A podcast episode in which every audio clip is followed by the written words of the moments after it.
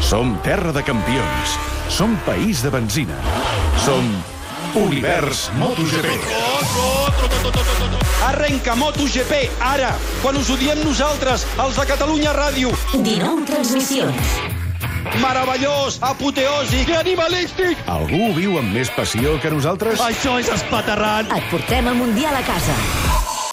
Márquez. Maverick, Maverick. Pedrosa, Aleix. Pol, Rins, Rins. Rabat, Rabat. Jo vull que guanyi un català. Cinc temporades transmetent totes les curses en directe. Op, op, op. Follow the leader, follow the champion. Som Univers MotoGP. El Mundial és nostre. Sa, sa, sa, i gas, i gas. Localitzant. Circuit de Sachsenring. Gran Premi d'Alemanya. Novena prova de la temporada.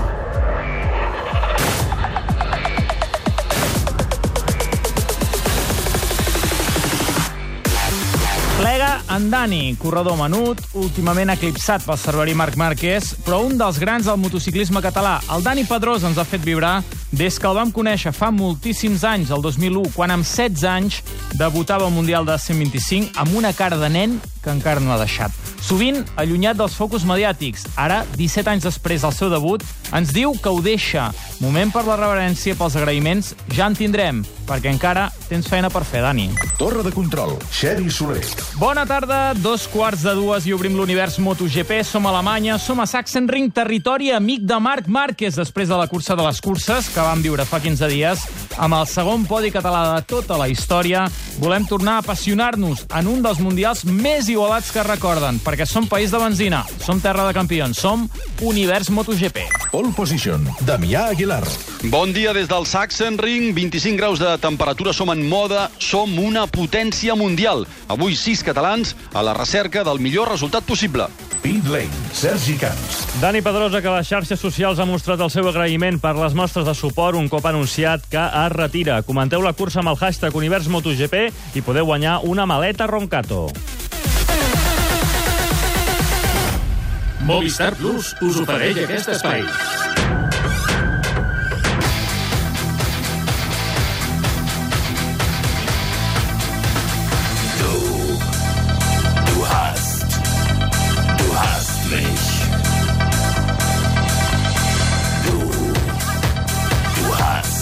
Comencem fort el d'Univers MotoGP en aquest gran premi d'Alemanya, amb música alemanya ben fort, amb Rammstein aquí sonant i per forar-nos les orelles abans de començar a sentir els motors. Uns motors que ja has sentit durant tot el matí. El Damià Aguilar, el nostre enviat especial. Damià, com estàs? Bon dia. Bon dia, què tal? Què tal des de Sachsenring? Aquí fot una calor espectacular. No sé si avui els pilots patiran de valent a Alemanya. Bé, és probable que sí. Ara mateix eh, 26 graus de temperatura ambiental, 47 a l'asfalt. Això són dades oficials. És el que hem tingut durant tot el cap de setmana, és el que volen els pilots, és el que s'agraeix més, perquè penseu que aquesta és una zona en què hem tingut, hem arribat a tenir de tot en aquests últims anys, des de pluja torrencial a moments en què eh, hi ha hagut determinades sessions en moll i després les curses en situació mixta. El que els agrada als pilots és poder córrer eh, amb la si- situació que tenim avui, francament, perquè no és una calor que mati, evidentment, si has d'estar eh, sense barret o sense gorra o sense paraigües al sol ara durant 10-15 minuts, doncs segurament eh, agrairàs una ombra. Però, però avui se'ns se'ns planteja una cursa molt interessant, amb moltes coses semblants a la cursa anterior d'Holanda, que anirem intentant explicar durant la prèvia i durant la cursa, precisament perquè els pneumàtics tornen a ser importants. S'ha d'afirmar. Si, si ha de ser una cursa igual que la que vam viure a Holanda, ja, ja em poso a, a afirmar. Ara veiem imatges, hem estat veient durant tot el matí imatges amb les curses de Moto3 i Moto2 d'aquest circuit de Sachsenring, amb bon ambient, oi? Sí, no, no, molt bon ambient. Aquest és un circuit dels que plega més gent eh, tradicionalment. L'any passat van ser 80.000 aquí el diumenge. Sí que és cert que hi ha hagut anys en què hi ha hagut encara moltíssima més gent. El que passa és que aquest és un circuit eh, molt peculiar. És un circuit molt peculiar perquè, primer perquè és el més curt del calendari, perquè són només 3 km 600 metres, però a més a més perquè està ficat en una zona físicament eh, enmig d'un polígon industrial amb terrenys que són particulars i això fa que sigui un circuit que eh, té un, eh, com t'ho diria, té un acord particular amb la gent del voltant i és que només es pot fer servir durant 10 dies l'any. És, eh, és molt estrany, però és un dels circuits que, ja et dic jo que Marc Márquez no voldrà mai que surti del calendari, però hi ha altres pilots com Andrea Dovizioso que si poguessin demà se'l carregarien, no? Ara, ara m'ho has dit tu. Eh, hem de parlar del circuit de Sachsenring com un territori Márquez claríssim.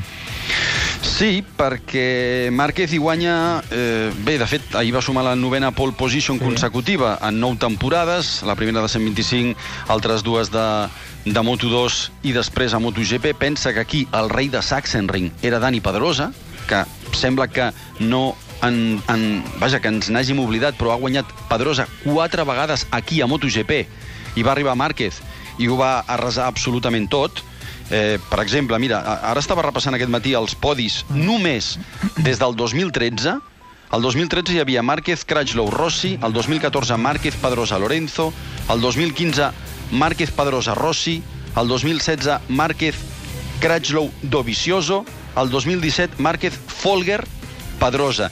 I, bàsicament, el que més destaca de tot plegat, les 5 victòries de Márquez, els 3 podis de Pedrosa i només un sol podi de Lorenzo en els darrers 5 anys, perquè és que Jorge Lorenzo no ha guanyat mai en aquest circuit. O sigui, si hauríem de mirar els precedents més recents seria territori Márquez i territori que se li dona bé a Dani Pedrosa. Veurem, però, si les circumstàncies d'avui són exactament iguals que la dels últims anys. A la classificació del Mundial, recordem, Marc Márquez és el líder amb 140 punts, 41 més que Rossi, segon, que en té 99, Maverick Viñales amb 93, després tot molt igualat, és Arco amb 81, Dovizioso amb 79, Cratchlow amb 79, Jorge Lorenzo amb 75, encara eh, hi ha eh, molts pilots que estan molt igualats, per tant, una molt bona classificació d'algun- d'aquests pilots i mala classificació o caiguda o abandonament dels altres pot fer que hi hagi molts canvis o que pugis moltes eh, posicions a la general del, del Mundial. La notícia de la setmana pel que fa al eh, món de les motos en aquest Mundial de motociclisme, sens dubte ens va arribar el dijous, ja ens ho ensumàvem, Damià, però l'anunci de la retirada de, de Dani Pedrosa. Sí, al final ta- ell, ell no, no va eh, estirar-se massa en explicacions, va ser una roda de premsa mm, anunciada i molt preparada, eh, en anglès i en castellà només, eh, van tallar les preguntes molt ràpidament, eh, Pedrosa, de fet, només volia fer una declaració i marxar, i el van convèncer per acceptar algunes eh, preguntes, però ja es veia venir que, de fet, a Barcelona hauria pogut perfectament, com ja havíem explicat aquí a l'Univers, anunciar la seva retirada, tot i que li va sortir una oportunitat, que és anar amb un equip eh, Yamaha. Mm, les persones que estaven més a prop d'aquest eh, equip estan afirmant que li donaven absolutament tot el que va demanar i al final Pedrosa, doncs, eh, jo, jo inter interpreto, mm. perquè a més a més, eh, ja et dic, hem parlat, hem parlat poquet d'ell, eh, o, o amb ell en aquest sentit, aquest cap de setmana, però bé, doncs es va mirar int interiorment i, i ell sí que ha reconegut que, doncs, que ja feia dos anys que això li voltava pel cap i al final doncs, eh, eh, ha decidit eh, retirar-se. Mm, Veurem de quina manera retira també, perquè ara mateix té a sobre de la taula una oferta d'Onda per ser pilot provador i corre que té una gran important oferta de KTM Mm? per també fer de pilot provador a partir de la pròxima temporada, però no només això, sinó que voldrien que pogués córrer alguna cursa del Mundial com a convidat. I veurem si a final de temporada això a Pedrosa li, l'engresca o no, o realment la seva motivació per pujar-se amb una moto a 300 ha caigut a zero. Això ja ho haurem d'anar veient, no? Sí, perquè um, vaja, el seu futur, com deies tu, no, no va quedar gens clar. Eh, va haver-hi el divendres, Damià, una, una roda de premsa d'Onda que, que, Sí. que s- va ser com estrany, no? Sí, va ser, jo, jo diria, surrealista Sí. eh, i se- segurament molt daliniana perquè, vaja, si recordeu, fa setmanes que es va anunciar que Pedrosa no continuaria amb Honda per mitjà d'un comunicat i, a més a més, en aquell comunicat deia que la decisió havia estat per mutu acord. Doncs en aquesta roda de premsa, Alberto Puig, que és el director de l'equip i ex-mentor de Dani Pedrosa, va dir que Dani Pedrosa havia tingut 13 anys en aquest equip i que havia tingut moltes oportunitats i que, el que volien era buscar-li eh, un, eh, un recanvi, cosa que d'alguna manera ja desmentia el comunicat. Però és que, a més a més, al seu costat hi havia el, el cap japonès de Honda en, el, en, en les curses, que es diu Tetsuhiro Kubata i que va dir que fins que Pedrosa no els va comunicar que no seguiria, que no li van buscar substitut. Amb la qual cosa tenim tres versions sobre la mateixa història i bé, no sé, a mi em diuen que Honda estan molt satisfets de la seva roda de premsa i la veritat és que insisteixo que ha estat un pèl surrealista. Estan satisfets en donar versions diferents. El que és surrealista és que el teu cap es digui Cubata, déu nhi també. Amb doble. B baixa, eh? Ja, ja Amb sé, doble B baixa. Senyor Cubata, no? No, no, queda, no queda gaire bé. Uh, aquí, Damià, i t'ho pregunto perquè també a Twitter ens ho pregunten, uh, pot haver algun, uh, que, que un factor d'aquest desencontre sigui per una suposada mala relació entre Alberto Puig i Dani Pedrosa? Aviam, ells van trencar el 2013, després de molts anys de relació. Mm, és, una, és un trencament que no s'ha explicat mai i que jo, he, jo explico perquè les exigències d'Alberto Puig com a mentor, com a mànager, com a coach, com a amic, anaven per sobre del que Dani Pedrosa estava disposat a suportar. Hi va haver un moment en què eh, van haver de tallar el fil, evidentment, perquè aquella relació, eh, si no, perquè aquella relació tenia un ambient irrespirable. Evidentment, en el moment que arriba Alberto Puig a ser director d'aquest equip, tothom té el dret del món de pensar que eh, Alberto Puig farà el possible perquè Dani Pedrosa no continuï. Eh, oficialment, Honda el que diuen és que és una, una decisió de la fàbrica. I a mi no em consta que personalment Alberto Puig hagi fet el possible perquè Dani Pedrosa marxi. Evidentment, no ha fet el possible perquè Dani Pedrosa es quedi. Falten 19 minuts per les dues. Som Univers MotoGP dins del Tot Gira. Ja sabeu que aquesta temporada, durant aquests grans premis, sempre tenim convidats especials que ens ajuden a parlar de la cursa, ens ajuden també a fer un anàlisi més acurat d'aquesta cursa. Avui ens acompanya el Raül Torres. Raül, com estàs? Bon dia. Hola, bon dia a tothom. Raül és un uh, pilot d'ultradistància, podríem dir, o de llarga distància. Uh, fa no res, uh, el vam veure participar a les 24 hores del circuit de Catalunya, fa dues setmanes, si no m'equivoco, fa tres. La setmana passada. La setmana passada, doncs mira, per això em sonava tan recent. També ha estat el TT de l'Illa de Man, que és, diuen, la cursa més perillosa del món de les dues rodes. Això ja m'ho ja dirà ell. Eh, I avui ens vens a ajudar amb aquesta, amb aquesta cursa que tens el llistó molt alt, eh? perquè l'altre dia a Assen el que vam viure va ser una passada. Tu, tu creus que avui el llistó el, el pujarem o no? Tant de bo, tant de bo. Això significaria que tenim potser la millor, la segona millor cursa a tota la història de, de, de, del motociclisme, no? Esperem que sigui una cursa tancada i batallada. Imagina, perquè les passades i repassades que vam viure l'altre dia a Assen van ser espectaculars. És la cursa més perillosa del món, la TT de l'Illa de Man, no?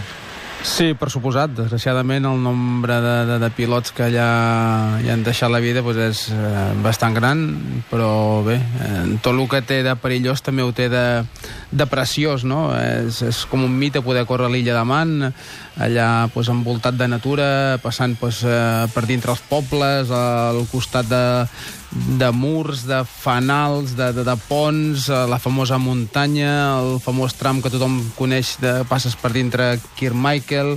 Bé, Hi ha moltes zones i clar, són 60 quilòmetres, 266 curves, infinits canvis de rasant, salts a 300 per hora... Eh, és, és, és increïble, és la meca del motociclisme per mi. I et va anar prou bé, em deies abans. Sí, vam fer 18 en el Senior TT, que és una, la, la, la, la cursa màxima, fins i tot eh, està permès que hi corrin prototips, eh, equips oficials del, del campionat britànic de Superbikes, eh, equips eh, fins i tot europeus, eh, algun equip d'Estats Units, i, i bé, vam fer un top 20, vam fer 18 anys, amb, amb una instructura que tenim nosaltres bastant modesta, amb els mitjans que, que ens permeten les nostres butxaques, i, i hem estat doncs, batallant amb els millors, i clar, és, és un, un orgull per nosaltres portar aquest triomf cap aquí a casa. Avui el comentarista de luxe que tenim a l'Univers MotoGP és el Raül Torres. Per cert, Damià, just abans d'aquesta cursa de MotoGP que començarà a les dues, hem tingut la de Moto3, amb victòria de Jorge Martín, lideratge també en aquesta categoria del madrileny, i la de Moto2, victòria de Brad Binder, el nostre amic Peco Banyaia, que continua de líder. és que m'agrada molt Peco Banyaia, sigui, és un nom que m'agrada, i fins i tot quan li van dir Paco Banyaia encara, encara em feia bastanta més gràcia. Avui s'ha vist eh, involucrat en, crec que en una caiguda, ell no ha arribat a caure, ha acabat puntuant, però, mm, clar, ha hagut de remuntar des de l'últim lloc, em sembla, no? Sí, almenys, almenys eh, manté el lideratge, això és important per ell, eh, òbviament. Eh, aviam, és, jo diria que és un, és un podi el de Moto2 avui que té la seva història, perquè Brad Binder, el sud-africà, que és el campió del món de Moto3 del 2016, ha aconseguit el seu primer podi a Moto2. Eh, L'ha acompanyat Joan Mir, tercer podi a la categoria, i Luca Marini, que és el germà de Valentino Rossi. El germà de Valentino Rossi que s'estrena amb un podi a Moto2, no només a Moto2, sinó per ell en la seva carrera esportiva en el eh, Mundial. Què vols, dir, setena- què vols dir el germà de Valentino Rossi? és el germanastre El de Valentino germanastre, Rossi, eh? Luca Marini. eh, Un es diu Marini Clar. i l'altre es diu Rossi, per tant pots imaginar que són germans de la De mateixa mare. sí. Eh, setè, Vierge, tretzè, Àlex Márquez, que no, no li han anat les coses bé, i abandonament de l'Isaac Viñales, i com deies, eh, Peco Banyalla, que s'ha vist eh, involucrat en un incident de cursa al principi, ha hagut de sortir cap a l'escapatòria, ha perdut molt de temps, i ha remuntat 11 posicions fins a acabar el 12è i poder mantenir el lideratge amb 7 punts respecte a Oliveira, 35 sobre Àlex Márquez i 53 sobre Joan Mir. I en la Moto3 tenim la cinquena victòria de Jorge Martín, aquest home que jo crec que si res no passa ha de ser el pròxim campió del món, amb el permís d'un dels homes de la factoria Valentino Rossi, com és Marco Bezzecchi, Bezzecchi ha estat segon i McPhil Escocès ha estat tercer i ara doncs, aquests homes se'n van de minivacances, Martín amb 7 punts més que, que Bezzecchi. De la resta, quart Marco Ramírez, cinquè Aaron Canet, sisè Macià i caiguda d'Albert Arenas, que anava superbé en el grup capdavanter, a falta de 7 voltes ha caigut, i també caiguda de Gavi Rodrigo. Aquesta és la història avui d'aquestes dues curses de les eh, categories menors del Mundial. Passa un minut de tres quarts de dues, repassem la graella del Gran Premi d'Alemanya. Tercera fila. Nové, Álvaro Bautista amb Ducati, vuitè, Andrea Iannone amb Suzuki, setè, Cal Cratchlow amb Honda. L'anglès Honda no va poder lluitar pel podi a Holanda, però es veu aquí amb opcions. Segona fila. Sisè, Valentino Rossi amb Yamaha, cinquè, Andrea Dovizioso amb Ducati, quart, Maverick Viñales amb Yamaha. Una fila de rivals directes de Marc Márquez. Primera fila. Tercer, Jorge Lorenzo amb Ducati, segon, Danilo Petrucci amb Ducati. Les motos italianes han fet un pas endavant en un circuit que els ha costat tradicionalment. Pole position. Marc Márquez amb Honda. Li va costar, però va aconseguir la novena pole consecutiva en aquest circuit. Ara busca la novena victòria seguida. El seient del darrere. Desè, Dani Pedrosa amb Honda. Onzè, Àlex Rins amb Suzuki. Quinzè, Pol Espargaró amb KTM. Divuitè, Tito Rabat amb Ducati. I absent del Gran Premi per una caiguda, Aleix Espargaró. Fa un any a l'univers Comença la cursa Marc Márquez, The King of the Ring des de la pole position. Ràpidament arribarà a la primera frenada intentant aguantar la posició i entra per fora Dani Pedrosa, guanya la posició i es posa segon. Folger supera Dani Pedrosa, recordeu, Folger amb el pneumàtic dur, la graderia d'alemanys que peta a Sachsenring. Jonas Folger, que acaba de superar Marc Márquez. Valentino Rossi passa a encapçalar el grup de perseguidors. Quart Valentino, cinquè Petrucci, sisè Dovizioso, setè Aleix, vuitè Lorenzo, novè Maverick Viñales i desè Cal Cratchlow. Márquez recupera el lideratge. Maverick acaba de superar Dovizioso. Aviam si aguanta la frenada final de recta. Maverick Viñales supera Valentino Rossi en el tercer sector. El Mundial, més que mai, és nostre! Marc Márquez a punt d'aconseguir la victòria! Serà la segona de la temporada amb la seu equip al mur. Aixeca-la, aixeca la moto. L'aixeca i ell també hi guanya Márquez! Segon Folger, tercer Pedrosa, quart Viñales, cinquè Rossi, sisè Bautista, setè Aleix Espargaró.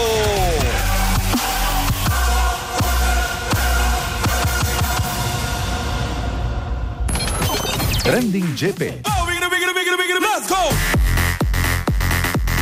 Vinga, va, com cada cursa tenim dos premis en joc. El primer és aquesta maleta Roncato que posem en joc a través de Twitter amb el hashtag Univers MotoGP. Ja sabeu, envieu-nos comentaris sobre aquesta cursa i entre els comentaris doncs, eh, farem aquest eh, sorteig d'aquesta maleta al final de la transmissió, com per exemple el Martí diu a Pedrós, avui farà un bon paper, tindrà ganes, ja sense pressió, d'acabar bé la temporada. La Núria diu Márquez a continuar sentenciant el Mundial i el Gerard Garriga, el campionat potser està una mica decidit en favor de Márquez, però esperem viure curses com la de fa 15 dies. I a banda d'aquesta maleta que sortegem a través de Twitter, tenim també aquest lot de caves Verdier que sortegem a través del Facebook, eh, del Facebook del Tot Gira, facebook.com barra Tot Gira, i ja sabeu que heu d'apostar pel podi de la, de la cursa. Podi que tancarem aquestes apostes en l'inici de, la, de, la, de, la, de la cursa, Qui l'encerti, doncs, entre els qui encertin aquest podi farem el sorteig d'aquest lot de caves Verdier. Si no hi ha encertants perquè la cosa és complicada, doncs farem un sorteig pur i al final del programa també direm qui s'endú aquest lot de caves Verdier.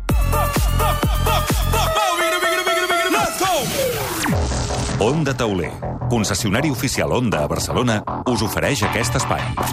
Moments universals. Ja sabeu que fa 31 anys que Catalunya Ràdio segueix el Mundial de Motociclisme. 31 anys seguint totes les curses del Mundial, primer de la mà del Pere Flores, després el Damià Aguilar. A cada transmissió recordem algun dels grans moments viscuts aquests 31 anys. Avui què ens toca, Damià? I l'inici de tot plegat, la primera victòria d'un català al Mundial va ser Salvador Canyelles a Montjuïc. No hi ha imatges de televisió de la primera victòria d'un pilot català al Mundial de Motociclisme. Aquell diumenge del 5 de maig del 1968 feia molt de sol i els barcelonins van preferir la platja a la muntanya de Montjuïc. Falta d'aficionats, però no falta d'espectacle i, sobretot, la primera pedra d'una història d'èxits que no s'ha aturat. Salvador Canyelles, amb tu va començar tot. Aquella cursa va ser una mica inesperada. Vull dir, una cursa clàssica que corrien per Espanya. Eh, lògicament jo corria amb Voltaco, el camí d'Espanya, amb circuits de carrers, cantonades i això, i Montjuïc per mi era, era el circuit eh, mare i el, el preferit que tenia, ja que jo vivia doncs, a la Gran Via a un quilòmetre i mig eh, a penes, de petit havia anat sempre a Montjuïc, totes les carreres cotxe i moto les hi he vist, i era la cursa esperada, esperada per mi, no? Canyelles podria no haver corregut aquella cursa. Dies abans em vaig anar a inscriure i em diu no, no, la inscripció ja està completa, no t'acceptem la inscripció. Ostres, contactant amb un noi de Castelló que es deia Escuder, em va cedir la plaça per córrer. Li vaig estar agraït, i encara li continuo estant agraït per això, Bueno, vull dir que vaig córrer una mica aquí, per quasi diré no per casualitat, però quasi. Canyelles i Voltaco tenien com a rivals les MZ alemanyes i les Yamaha japoneses dels campions Rit i Ibi. Comença la cursa, Canyelles surt quart i de seguida avança posicions i veu com les dues Yamaha queden fora de cursa. I anava tercer, anar fent, anava el més de pressa que podia, sortia llapant les bales de palla amb una estribera, l'altra llevant per terra, vull dir que difícilment eh, em podien seguir els altres amb la mateixa moto. Al cap d'una estona, a mitja carrera així, vaig veure una Yamaha parada i al cap d'una volta o dues l'altra Yamaha. Llavors vull, vaig saber que anava primer. El dia següent, el Mundo Deportivo publicava en portada una foto de Canyelles prenent un revolt de Montjuïc i titulava Lucha de colosos en el circuito de Montjuïc. A la pàgina 20 obria reportatge a cinc columnes titulant Extraordinaria actuación de Cañellas. Vencedor de la prueba de 125 centímetros cúbicos. A l'interior del text es parlava de doble victòria nacional, la de Canyelles i la seva moto, la Voltaco. I a la pàgina 22, declaracions de Canyelles. He assolit el meu somni, guanyar. Soc l'home més feliç del món. I també la hoja de lunes del 6 de maig del 1968 recollia informació del Gran Premi. Ressaltava, en primer lloc, que Giacomo Agostini va ser el guanyador absolut als 500 centímetres cúbics, però després destacava la victòria de Salvador Canyelles i a l'interior del text el fet que va competir contra dos campions britànics com Phil Reed i Bill Ivy.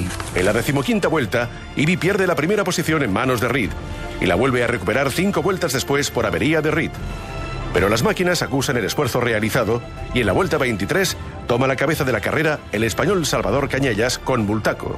Va ser una victòria inesperada per tothom, sorpresa, per mi el primer, per tots, jo sabia la gent de Bultaco va anar molt contents i la moto va anar perfecta dintre les seves possibilitats que no eren massa punteres en quant a, a velocitat màxima. Vaig ser el primer d'aquesta sèrie de victòries eh, esgarrifoses que fins ara portem, que és un disbarat. Onda Tauler, diagonal cantonada Passeig de Sant Joan a Barcelona, us ha ofert aquest espai. Onda Tauler marca la diferència. 6 minuts per les dues, 6 minuts perquè comenci aquesta cursa de MotoGP del Gran Premi d'Alemanya de motociclisme. Intentem analitzar-la ara en aquests propers minuts amb el Damià i amb el Raül. D'entrada t'ho pregunto a tu, Raül, ja ens ha dit el Damià que aquest és un territori Márquez. Eh, alguna cosa ens fa pensar que Márquez no tingui la victòria avui molt, molt a l'abast? Cap ha fet la pole, ha demostrat en els entrenaments, tots hem vist les imatges de com controlava la moto quan se li anava de davant i de darrere, aquella famosa salvada mm. a, a la penúltima volta del quali. Mm, no hi ha mm, en principi, si algú vol fer una aposta, que aposti en Marc Márquez, que són diners segurs. Per què, Damià, se li dona tan bé aquest circuit a Márquez? És un circuit que gira molt d'esquerres, perquè són 10 revolts d'esquerres i 3 només de dretes.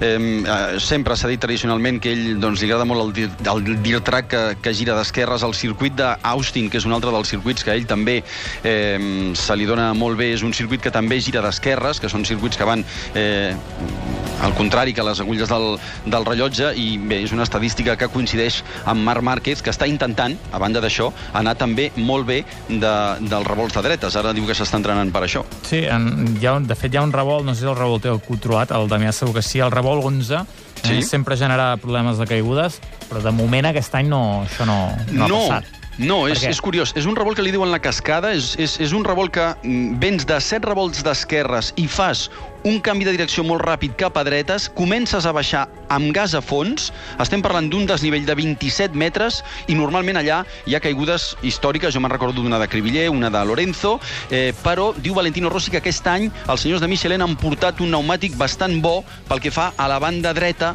diguem, del, del pneumàtic davanter, que és més tova, i això permet que els pilots puguin agafar aquest revolt amb, amb més eh, confiança. No s'estan veient tantes caigudes aquest any, la veritat. També ajuda al fet que faci més calor, evidentment. Imagino tu, Raül, això del dirt track ho has practicat, oi? Sí, dirt track, supermotor. Aquesta és la clau de les salvades del Márquez, perquè molts cops quan, quan parlem d'ell i de- i d'aquestes coses que fa que semblen impossibles, ens diuen, no, és que ell està molt acostumat al dirt track. Sí, per suposat, eh, tenir l'hàbit de, de controlar la moto quan la moto està derrapant amb la roda de davant, està derrapant de la roda de darrere, sapiguem moure't en aquesta estreta línia entre, diguem, l'èxit i el fracàs, que seria la caiguda o dominar la moto, és clar, com més entrenes i més hàbit eh, tens de- de- d'això, de, de controlar la motocicleta, doncs millor i més ràpid seràs en pista, no? I és el que està demostrant el Marc. Mm, Un apunt de mercat, Damià, eh, s'ha retirat Pedrosa, eh, ens ho explicaves ahir, la nòmina de catalans passa 6, es podia haver mantingut en 7 si l'Àlex Márquez hagués trobat moto, però ho ha intentat i em sembla no ho ha aconseguit, Damià.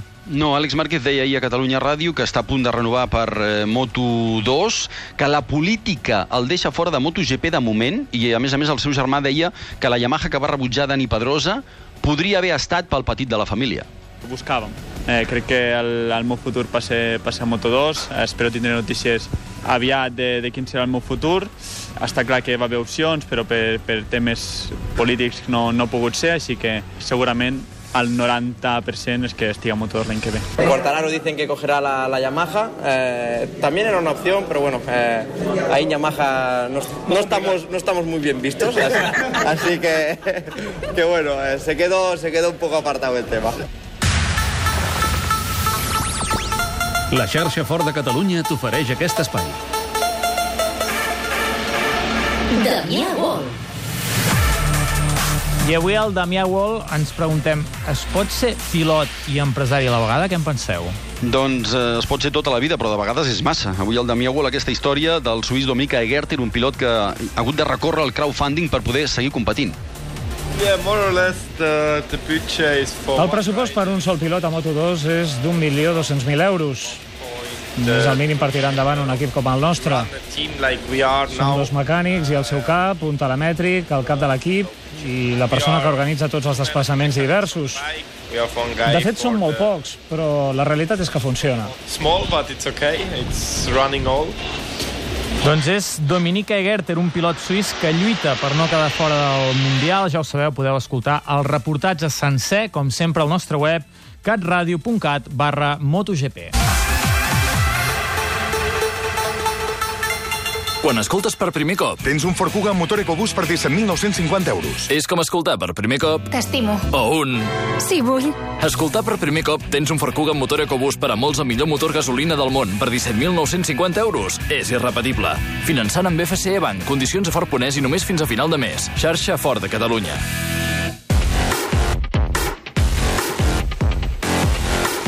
Un minut i pocs segons ja per les dues voltes de reconeixement warm-up ja en, aquesta, esta- en aquest uh, circuit de Sachsenring, al Gran Premi d'Alemanya. Sergi, recordem la graella de sortida d'aquest Gran Premi d'Alemanya. Des de la pole sortirà Marc Márquez, segon Petrucci, tercer Lorenzo, quart Viñales, cinquè Dovizioso, sisè Valentino Rossi, setè Carl Klaslow, vuitè Andrea Llanone i novè Álvaro Bautista. Recordem que la classificació general del Mundial, Marc Márquez és líder amb 140 punts, 99 per Valentino Rossi segon, 93 per Maverick Viñales tercer. I tenim aquesta maleta Roncato en joc entre els comentaris sobre la cursa a Twitter amb el hashtag Univers MotoGP. El Biel diu esperem viure una altra cursa de les curses i el Jaume visca les motos avui dia de marató esportiva motos i a la tarda final del Mundial de Futbol.